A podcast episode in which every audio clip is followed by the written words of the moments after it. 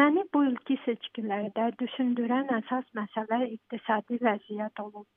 Məni iş yerlərinin itirilməsi, işlərin ixtisarı kimi məsələlər narahat edir. Əlbəttə təhlükəsizlik də önəm verdiyim məsələdir.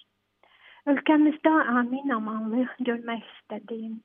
Mən bu baxımdan kimə səs verəcəyimə qərar vermişəm.